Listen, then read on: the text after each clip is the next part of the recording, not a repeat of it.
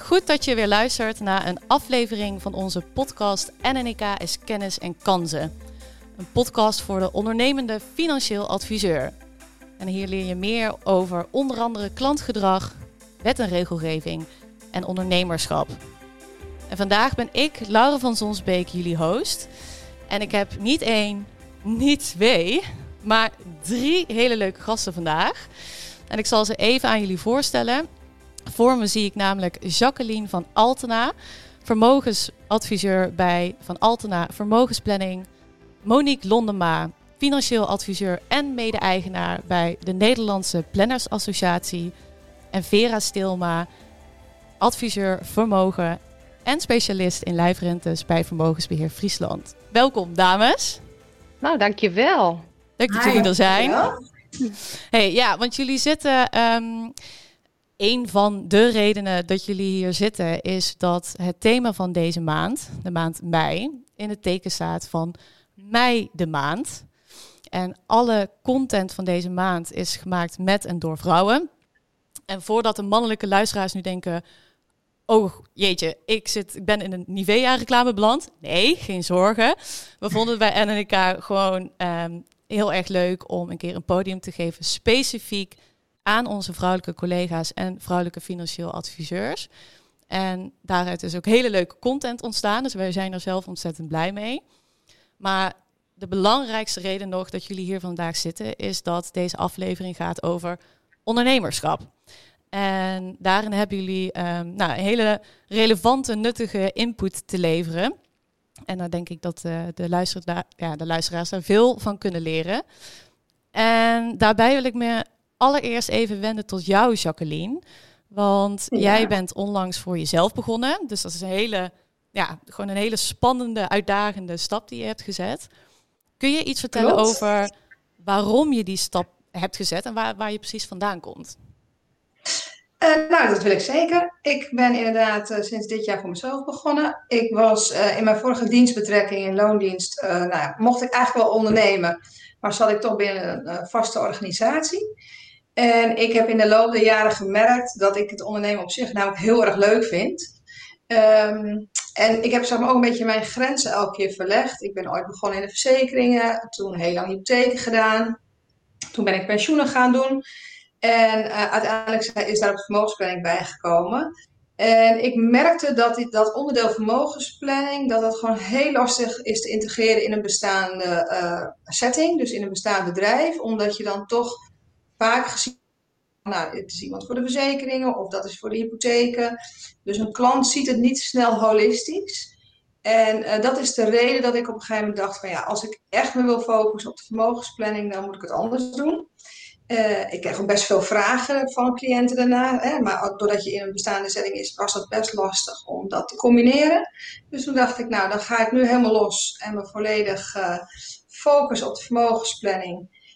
Ja, superleuk. Ja. Heel blij met de stap. Heel en, gaaf. ja, erg leuk om te doen. En is het dan, uh, merk je ook iets aan die, want je komt dus inderdaad uit een omgeving waar er uh, verschillende disciplines waren. En vermogensadvies was daar, of vermogensplanning was daar gewoon een klein onderdeel van. Uh, merk je nu ook dat je, nu jij je focus op vermogensplanning, zoek je die andere specialisaties dan bij externe? Of wat, hoe, hoe regel je dat? Nou, ik merk het nu vooral aan uh, mensen om me heen dat ze nu zeggen van, dat je die focus nu echt op één specifiek onderdeel legt. Waar eigenlijk alles op in terugkomt. Want dat is natuurlijk wel het leuke. Want uiteindelijk heb je nog steeds met pensioenen te maken. Heb je nog steeds met hypotheken te maken. Alleen doordat je nu een andere titel draagt. Uh, krijg ik ineens vanuit allerlei andere hoeken. En ook andere relaties, andere connecties. Uh, best ook een ander netwerk. Uh, krijg ik nu allemaal leads aangeleverd. En dat vind ik superleuk. En ik vind leads altijd een beetje verkeerd woord. Omdat dat alsof dat een commercieel iets is. Maar gewoon bijvoorbeeld accountants, makelaar, die zegt van joh, ik vind het heel interessant voor mijn cliënt om hier iets mee te gaan doen. Ja, wil jij met ze, met ze op, op stap gaan in dat traject? Ja, dat is superleuk. Wauw. Herken je dat, uh, Monique? Dat je juist van alle, allerlei andere hoeken uh, oh. mensen krijgt die zeggen, mijn klant heeft juist een plan nodig? Ja, dat is ook het leuke. Ik sluit me helemaal aan bij Jacqueline. Ik ben ondernemer sinds 2001. Uh, ik noem mezelf altijd zelfstandig praktiserend financieel planner. En um, ja, um, door, en ik vind, doordat je je um, gaan mensen snappen, zien, begrijpen wat je doet en denken, hmm, dat zou voor mij of mijn klanten ook wel interessant zijn. Ik ga eens kijken of Monique ze kan helpen, zeker. En dat is het leuke aan ondernemen. En ik weet nog wel dat Monique in onze voorbespreking had je het over, uh, hè, wat, wat, wat Jacqueline nu aankaart is dat het is juist goed om, om die focus te hebben. Um, maar jij gaf daarin nog wel iets heel interessants en dat het misschien wel als um, ondernemer, maar ook vermogensadviseur, dat het wel altijd interessant en nuttig blijft om je wel te verdiepen en te verbreden in je kennis. Kun je daar nog iets over, uh, over vertellen? Ja, ja, dat is absoluut. Dat is ook echt een weg die ik ben uh, gegaan de afgelopen jaren. Ik denk dat ik, uh, nou, de eerste jaren van mijn financieel planner zijn bepaalde onderwerpen, nou, heel senang bij voelde. En, en, en dat ook daar klanten ook graag bij hielp. Um, integrale financiële planning. Maar als er dan onder andere eh, beleggen aan, het, uh, aan de horizon kwam, ja, dan dacht ik toch altijd wel, daar weet ik te weinig van. En dat is specialistisch en daar moeten ze toch voor een ander bij zijn. Uh, bij voor een ander zijn. En ja, uiteindelijk ben ik gaan begrijpen dat vermogensopbouw, beheer zo belangrijk is bij financiële planning. Dat ik daar heel, op een heel natuurlijke manier in ben geraakt, me verder in heb verdiept. Ja, en dan is het ook iets wat je niet meer niet kan bespreken. Het is wel heel ontkenningen in één zin, maar je moet het. Het is gewoon logisch. En dan ga je inderdaad verbreden en verdiepen in je kennis. Absoluut. Ja, precies. En, en hoe, um, hoe kaart je nou zo'n gesprek aan? Veren, kun, kun jij aangeven hoe dat bij jullie in, in, zijn, in zijn werk gaat? Dat je ehm, de klant overtuigt van de toegevoegde waarde van vermogensopbouw? Nou, wat ik heel belangrijk vind is, mensen komen vaak met één specifieke vraag. daar willen ze graag antwoord op hebben. Maar als je het doorvraagt en vooral goed naar de mensen luistert, weten ze heel vaak van heel veel dingen niet hoe het precies zit. En wat dan, ja, ik vind het niks mooier dan dat, als je mensen aan de hand neemt. En ik ben zelf van oorsprong uh, lerares, dus ik vind het heel leuk om mensen dingen uit te leggen. Om ze mee te nemen en dat ze dan echt weggaan van oh, die pensioen heb ik me nooit in verdiept, want ik snapte er niks van. En dat ze zeggen, ik, ik geloof dat ik het begrijp. Nou ja, ik zeg als je vragen hebt, kom terug. Maar als je ze echt leert begrijpen wat er aan de hand is en wat dan jouw onderdeel uh, erin zou kunnen zijn, dan heb je ze al binnen. Want dan heb je iets gecreëerd samen. En uh, dan kan je dienstverlening heel breed zijn. En ik sluit me ook weer aan met, ja, ook bij Jacqueline en ook bij Monique. Uh, financiële planning is de basis uh, van een stukje vermogensbeheer. En als je de financiële planning goed op orde hebt, wordt alles in één keer inzichtelijker. En hoe meer je dat gaat beseffen, misschien komt dat ook omdat je wat ouder wordt, wordt het er steeds logischer allemaal. Het is steeds, het is gewoon een puzzel die in elkaar gaat passen. En dan hoef je de mensen niet meer te overtuigen, dan gaat het vanzelf. Ja, dus, en, en gebruiken jullie daar nou een, vast script voor? Of een, bepaalde metafoor die je toch altijd inzet om tijdens een klantgesprek te gebruiken? Nou, ik, ik heb heel vaak gewoon het. het uh, ik begin sowieso vaak gewoon gezellig te kletsen met de mensen. En dan weet je waar ze vandaan komen, hoe ze denken. En als je ze een beetje kan verplaatsen in hun uh, uh, startpunt of in hun standpunt dan gaat het gesprek vanzelf. Ik heb niet een heel vast termijn. Uiteraard op het moment dat je echt een, uh, aan klantenbinding gaat doen, dan zul je je documenten moeten opvragen en dan gaat het via een officiële weg. Uh, maar dat is wat mij betreft niet het begin van de klantenbinding. Dat is gewoon het openstaan voor elkaar, het elkaar willen helpen. En ook als iemand niet bij je past, gewoon kunnen zeggen van uh, misschien heb jij meer behoefte aan dit, hoe graag ik je ook zou willen helpen. Ik heb één keer een stukje uh, pensioenadvies had ik heel graag willen doen. Dat was een, een oude PSW-C-polis nog. was in het begin een beetje grijs gebied. Waar hoort het thuis? Vanuit mijn lijfrente zei ik, ik moet nu afstand doen van het dossier. Ik wil je nog wel helpen. Heb ik ook nog gedaan. Maar ik moet je nu doorverwijzen. Dat zijn dan de regels wel. Zo simpel is het ook. Ja. Ja, dat is wel heel mooi dat je, dat je ook nee durft te zeggen. Ik denk dat daar uh, veel luisteraars misschien af en toe nog wel mee, uh, mee struggelen. En ik vond eigenlijk ik denk ook wel... op een lange termijn dat je kwaliteit daar ligt. Ja, dat denk Eerlijk ik ook. zijn. Ja, dat denk Ja. ik ook. Ja. Ik vond het wel toevallig Nou, dat is denk ik ook de combinatie. De combinatie met die focus houden, hè, waar ga je op richten? En inderdaad, eh, nou ja, weten wie je dus om je heen ook verzamelt, die je er ook weer op kan zetten. Kijk, Ja, ik heb absoluut. gewoon zelf geen behoefte meer aan om. Ik, het allerleukste vind ik gewoon met die klant zitten. En dat is inderdaad ook niet via een vast script, maar gewoon met die klant gaan zitten, inderdaad verdiepen in je klant. eigenlijk gaat het heel weinig over cijfers. Het grootste deel van mijn gesprekken gaat over hoe staat de klant in het leven, wat vindt hij belangrijk, waar willen ze naartoe. Nou, en dat, hè, uiteraard wordt dat later onderbouwd door de cijfers. Maar ook gewoon zeggen van, joh, hè, ik, ik signaleer zaken, maar daarvoor zet ik een goede hypotheekadviseur erop. Of daarvoor zet ik, eh, leg ik het contact met de notaris of met de accountant. Want dat hoeven wij niet allemaal zelf te doen. Precies. En inderdaad, dan kan je dus ook je focus houden op de dingen die denk ik heel belangrijk zijn voor je klant. Ja.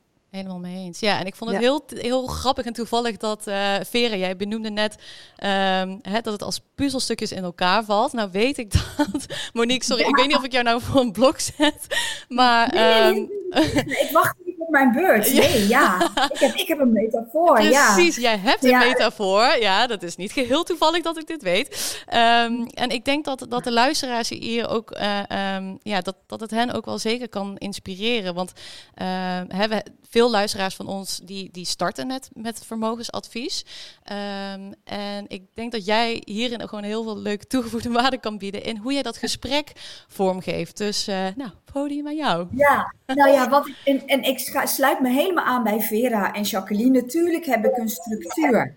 Maar weet je, het is go with the flow met de klant. En gaandeweg ontvouwt die structuur zich ook helemaal. En, um, maar als ik ga uitleggen aan een klant wat ik met ze ga doen, wat ik voor ze ga doen en met hen ga doen, dan heb ik altijd een metafoor van een financiële, financiële puzzel. Iedereen heeft een, een, plaatje van hoe zijn toekomst eruit ziet, of een, hoe het doel eruit ziet. Geef een naam. En dat plaatje is echt het plaatje van de puzzel. En iedereen, naarmate je jonger, wat ouder, nog ouder bent, heb je financiële puzzelstukjes verzameld. En dan in de meest brede zin van het woord. Hè, die over geld gaan, over fiscaliteit, over juridische zaken. Hè, dus alles waar wij als planners mee te maken hebben. Die hebben dat allemaal verzameld. En ze hebben geen idee wat, wat ze hebben. Vaak hebben ze ook dubbele puzzelstukjes. Nou, dan ga ik die puzzel leggen met ze. En, uh, en dat is dat informeren, die feiten. Ik noem het fact-finding en feeling-finding. En dan ga ik die puzzel leggen. En dan blijkt in hoeverre er hele grote gaten in dat plaatje zitten. En dan gaan we kijken, wat kunnen we daaraan doen? En soms zit er een gat en zegt een klant, nou, dat is dan maar een gat, oké. Okay. Dat, dat mag een gat blijven. En soms zijn er in de ding, inderdaad dingen dubbel geregeld of conflicterend. Nou ja, dan los je dat op. Dus ja, dat is mijn metafoor. Die is echt op een gegeven moment ontstaan. En uh, ik gebruik hem nog maar steeds. Ja, heel ja. leuk. Ja, ik bedoel, als het aanslaat en het werkt, dan uh, nou, in ieder geval heel gaaf dat je een weg hebt weten te vinden of een, een, voor, een format. Um, maar ik kan, ik kan me ook voorstellen dat hè, wat we uh, zelf hier zien bij NNEK is dat um, uh, sommige adviseurs misschien toch nog wel moeite hebben om. Um, om over beleggen te praten, om dat gesprek aan te gaan. Uh, ze missen daarin misschien een bepaald zelfvertrouwen. Hebben jullie nog tips voor jullie collega-adviseurs om daarmee aan de slag te gaan? Is het, moeten ze zelf rekeningen openen voor zichzelf om dan maar even um, ervaring op te doen van hoe werkt het nou precies? Uh, moeten ze inderdaad toch een script maken? Moeten ze... Hoe hebben jullie dat gedaan? Nou, ik vind sowieso dat je zelf de rekeningen moet hebben om te kunnen ervaren hoe, hoe de dienstverlening van, uh, van een partij is waar je mee samenwerkt. Dus ja, dat sowieso. Ja, en ik vind, mijn ervaring is, als je een goed plan maakt met een klant, dan zie je dus dat op een gegeven moment, hè, ik werk bijvoorbeeld met, met Private Wealth Navigator, uh, dan zie je dus op een gegeven moment ook van welk rendement moet een cliënt nu halen. En soms hebben mensen het idee dat ze veel meer rendement moeten halen. Nou ja, dan is dat, hè, kun je daarop bijsturen. En soms heb je met conservatieve spaarders te maken die echt wars zijn van uh, beleggen. Maar dan kun je dus ook heel duidelijk laten zien van dat er dus wel een beleggingselement in moet zitten om überhaupt hun doelen te gaan behalen. En als je dat goed doorspreekt, dan zie je dus eigenlijk dat al die, die tegenargumenten vanzelf weggenomen worden. En wat ik ook nog heel fijn vind, dat heb ik twee jaar geleden denk ik nog voor het laatste keer met Michiel gedaan, is uh, Michiel ingeroepen en gezegd, joh, ik wil echt aan de kant van de adviseur blijven staan. Ik had een cliënt, die was ook een beetje sceptisch over beleggen. En toen is Michiel dat gesprek namens NEK aangegaan met de cliënt. Nou, dat werd ook super goed ontvangen. Dus ik denk dat je ook een beetje per klant moet gaan aanvoelen wat past en wat je het beste kunt inzetten. En ik geloof niet zelf niet zo heel erg in scripts volgen, want dan word je een soort call center. Ik vind als je, ja, als je gewoon al je kennis en je kunde inzet, dan denk ik dat je met je cliënten altijd komt daar waar ze moeten zijn. Ja, en dat is, um, dat is uiteindelijk ook waar hè, ervaring op dat zelfvertrouwen krijgt. Dat krijg je alleen maar door in de praktijk uh, die ervaring op te doen. Dus het uh, heel vaak doen. Um, hey, en, en, jullie, ja, jullie richten je allemaal op een, een bepaalde doelgroep. Um, ja, kunnen jullie iets vertellen over welke doelgroep dat is en wat de meerwaarde is van het focussen op een, op een doelgroep? Vera, kun je daar iets, uh, iets over vertellen? Ja, het is, hey, je richt je natuurlijk sowieso op een, een doelgroep. Hè. Ik heb dat, wij hebben allemaal uh, uh, natuurlijk de functie hè, als, als vermogensbeheerder, het beleggen. Hè. We, we doen eigenlijk uh, alles. We zijn natuurlijk niet een heel groot bedrijf. Maar je, doelgroep richten is ook richting marketing. Hè, je, het is ook makkelijker als je bijvoorbeeld even het voorbeeld van mij pakt. Hè. Ik doe specifiek dan de lijfrentes. nou, ik kom uit, uit de verzekeringswereld. Ik zat altijd op de achterkant, dus ik ken technisch heel goed hoe, hoe, hoe een lijfrenteverzekering eruit ziet. Uh, wat ook de valkuilen zijn uh, technisch. Maar dan kun je ook heel makkelijk je marketing daarop richten. Dus de mensen moeten natuurlijk eerst wel. Ik zeg altijd, als ik de mensen aan tafel heb, dan is het klaar. Dan, maar ze moeten eerst bij jou aan tafel komen. Ze moeten weten dat je, dat je er bent. Ze moeten weten dat je dit doet. En daarna uh, is het mijn taak om het vertrouwen te krijgen dat ik het ook kan. Dat, dat is, dus ik denk dat een doelgroep echt specifiek richting marketing gewoon ja, wel, wel nodig is om, om je specifiek even te laten merken van jongens, dit kunnen wij ook. Uh, en je naam weer te laten horen. Want dat is toch ook wat belangrijk is, want ze moeten bij jou aan tafel komen. Precies, en het is in jullie geval, hè, jullie richten je, het is Vermogensbeheer Friesland heet het kantoor, jullie ja. richten je op, op Noord-Nederland. Um, ja, uh, jullie spreken ook de Friese taal, hè, als ik het goed had begrepen. Ja. En dat zetten jullie ook, hè, juist om die, die binding te zoeken met klanten die bij jullie passen, dat doen jullie ook door middel van radiospotjes, had je me uitgelegd. Kun je dat even, kun je dat aan de luisteraars uitleggen, hoe jullie dat doen en dan die Friese eerste zin, dat vond ik echt geniaal. Okay. Nou, ik zal even een. een uh, wij hebben een soort. Uh, ja, het is destijds begonnen. Hè, wij, wij vinden ook maatschappelijk verantwoord dat je ook als Fries bedrijf iets voor de Friese economie terug moet doen. Wij hebben hier dan een omroep Friesland. Dat is de Friese, uh, die de eigen taal uitzendt. Nou, wij zeiden, als wij toch marketing willen uitbesteden, vind ik het ook dat wij daar gewoon ons geld naartoe moeten brengen. Hè. We steunen de Friese omroep. Wij beginnen onze quota altijd met een paar cent een oer. Dat betekent eigenlijk een paar centen over, heel letterlijk. Uh, het is een beetje populairder in het Fries, klinkt het wat leuker dan een paar centen over.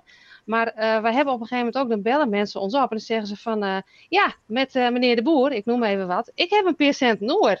Dus dan weet je direct van, oh, die komen bij de omroep vandaan. En, ja, en je, je, je weet gewoon direct, hè, wij, als wij horen dat het een Fries is, want je hoort het aan een soort tongval, jullie zullen het aan mij waarschijnlijk ook wel een beetje kunnen horen. Um, dan ga je ook direct Fries praten. Ik had vanmorgen nog een klant, ik zei Fries of Nederland? Nee, doe me Fries. En dan heb je direct een soort binding met elkaar en thuisgevoel.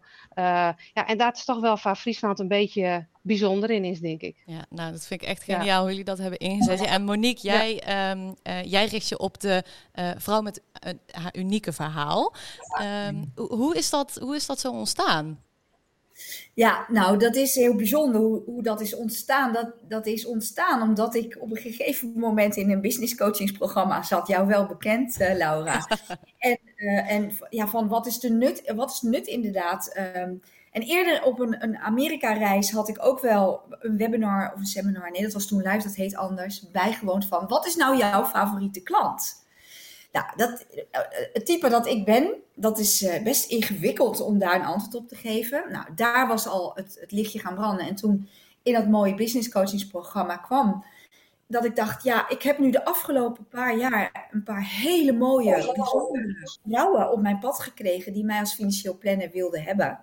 Met een echt een, ja, soms uh, tot kipvel brengend verhaal. En toen ik daar zo eens naar terug ging, dacht ik, krijg ik, daar word ik zo blij van. Ja. Um, en toen ben ik me gaan, dus inderdaad gaan profileren als de financieel planner voor de vrouw met haar unieke verhaal. En in dat unieke verhaal mag ook gewoon een kerel zitten. Hè? Dus het wil niet zeggen dat ik me aan de vrouwen richt. Maar ja, nou ja, en dat is gewoon geweldig. Um, wat is de toegevoegde waarde? Want dat was ook een vraag van jou, Laura. Als je je focust op. Je merkt aan mij dat ik enorm bevlogen kan praten over deze, deze mensen. Zeker. Nou, dat alleen al. Dus het helpt me voor het voetlicht brengen wat ik kan betekenen. ik ben niet van pitchen, dat past niet bij mij, maar ik kan wel vertellen wat ik doe waarom, en waarom ik dat doe. Nou, dat is natuurlijk fantastisch als je iets hebt gevonden, een groep waar je dit echt voor kunt gaan doen. Ja, en, daar, en ik, ik kan hen ontzettend helpen op allerlei manieren. Ja, en ik krijg er zelf heel veel energie van. Ja. Heel veel voordelen. Ik snap het heel goed. Ja, en, en het is, dit, is, dit is een hele lastige vraag. Uh, misschien is het ook bijna een retorische vraag, want jullie kunnen misschien niet echt een AB-testing doen. Maar ik kan me zo voorstellen dat um, um, collega-adviseurs die een, een zeer brede doelgroep hebben en die, die die focus misschien nog niet hebben gevonden en die zitten te twijfelen om misschien in een niche of uh, zich te focussen op uh, een doelgroep. Um, maar merken jullie dat doordat jullie je focus op een bepaalde groep dat ze jullie ook makkelijker weten te vinden? wel, Monique ja, knikt ja. hier ja. Oh, ik had op een gegeven moment toen ik het oude in die open had gebracht, dacht ik, kwamen ze uit alle hoeken en gaten bij wijze van spreken naar voren. Dat, waar waren jullie al die tijd? Ja, en merk jij dat ook, Monique? Of uh, Jacqueline, want jij, jij, jij richt je op ondernemers, toch?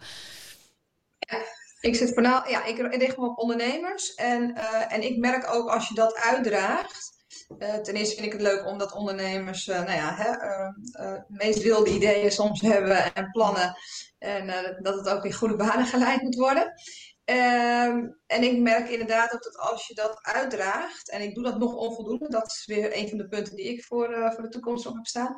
Maar zelfs al met het kleine beetje wat ik er nu uitdraag, merk ik dus ook dat, het, dat je die dus ook gaat aantrekken dat je die focus daarop hebt liggen. En dat je dus ook, hè, wat ik net al zei, een accountant, een, nou ja, vanuit je netwerk, uh, uh, de notaris, die merken dus dat je daarop zit. En ja, daar sturen ze die cliënt ook door. Dus ik vind dat, um, ja, en ik vind dat een hele leuke doel. Ja, ja, een hele goede tip. Ja. Hey, en het is natuurlijk, uh, het, het is niet voor niets mei de maand. En um, we willen het daar niet continu over hebben. En de luisteraars de hele tijd onderdompelen in hoe vrouwen. Maar ik wil toch nog een klein, uh, klein haakje maken. Um, want, want merken jullie ergens nog een verschil in het bedienen van vrouwen? Of moeten collega-adviseurs ergens rekening mee houden in de situatie van een vrouw ten opzichte van een man? Of in het voeren van een klantgesprek? Ja, ik kan, ik kan wel een, een, een voorbeeld noemen, denk ik. We hebben laatst klanten gehad en die hadden een, een uh, nou ja, een, een, bepaald bedrag, zeg maar. En um, ja, een man en een vrouw. En over het algemeen, het is een heel klein beetje uh, ja, generaliserend, zeg maar. Maar de man heeft over het algemeen wat meer uh, bravoer in het beleggen dan de vrouw. Dus als we dan een man en een vrouw tegenover ons hebben, dan zit ik ook heel vaak met een collega, ook man en vrouw zitten we tegenover elkaar om het evenwicht een beetje te. Maar op een gegeven moment was de conclusie van de vrouw eigenlijk, want die had uiteindelijk wel de broek aan. Die zei van, weet je, 80% van het bedrag uh, uh, gaat, uh, nou in dit geval via fondsenplatform, zetten we redelijk veilig weg, dat is ons pensioen. En jij gaat maar met dat andere geld, ga je maar wat spelen, doe je maar leuke dingen. En als je winst hebt, koop je maar je auto die je zo graag wil. Maar dat is voor ons voor later. En de vrouw zit wat meer op de lange termijn planning. Ik denk dat, hè, we hebben ook allemaal gelezen dat vrouwen uiteindelijk de betere beleggers zijn. Wil ik toch nog even genoemd hebben hier. Nee, maar je ziet wel verschil. Over het algemeen is het natuurlijk niet altijd zo. Maar de vrouw heeft iets meer lange termijn uh, in de, en iets minder bravoer. En de man heeft dat wat meer. Ja. Ja, en Monique, je had uh, uh, hè, ook in, jouw in jouw reis naar Amerika, bij die seminars, had je nog een hele interessante input gekregen. Vertel eens. Ja, zeker. er is wel zeker verschil in het plannen van een man of een vrouw, laat staan beide. Ik ben inderdaad op een, uh, op een sessie geweest waar twee dames van een vermogensbeheerder in Amerika de slogan hadden: Women are not a niche. En ze deden uit de doeken dat vrouwen gewoon andere financiële planning nodig hebben vanwege niet alleen hoe vrouwen in elkaar zitten, hè, prima, maar heel vaak hebben vrouwen veel minder pensioenopbouw omdat ze en daar mag je van vinden wat je vindt. Over het algemeen of minder gaan werken of stoppen met werken op het moment dat de kinderen komen. Ze worden ouder. Dus ze hebben langer geld nodig om lekker van te kunnen leven, hè, statistisch gezien. Um, en ja, ja, wat jij terecht ook aan, uh, aanvoert, eh, Vera, over het algemeen is uh, de vrouw in de lange termijn wat behoudender dan de man. Dus ook als ze alleen staat, maar ook als ze in een relatie zit. Dus ze hebben specifieke andere kenmerken. En die zijn dan overigens rationeel. En dat vind ik dan wel weer leuk. Want ik ben ook niet van vrouwen voor vrouwen. En, uh, ik geloof niet in een glazen plafond, weet je. Uh, en ik vind het wel leuk om gewoon feiten vast te stellen. Waarom het anders is om een vrouw te plannen. Ja precies. Ja, dat is ook heel gaaf. Dat is ook heel leuk om, uh, om mee te kunnen nemen. Um, ja, ik, heb, ik, ik vind het heel, heel spijtig om te zeggen, maar normaal duren onze podcasts 20 minuten.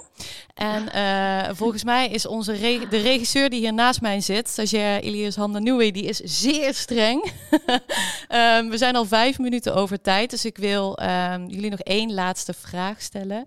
Um, hebben jullie misschien nog een tip of iets wat jullie echt willen meegeven aan de luisteraars, collega-adviseurs of startende adviseurs? Ja, ik denk dat focus alles is. Focus je op, uh, op je business, focus je op je cliënten. En uh, nou ja, dan kom je al zo'n eind.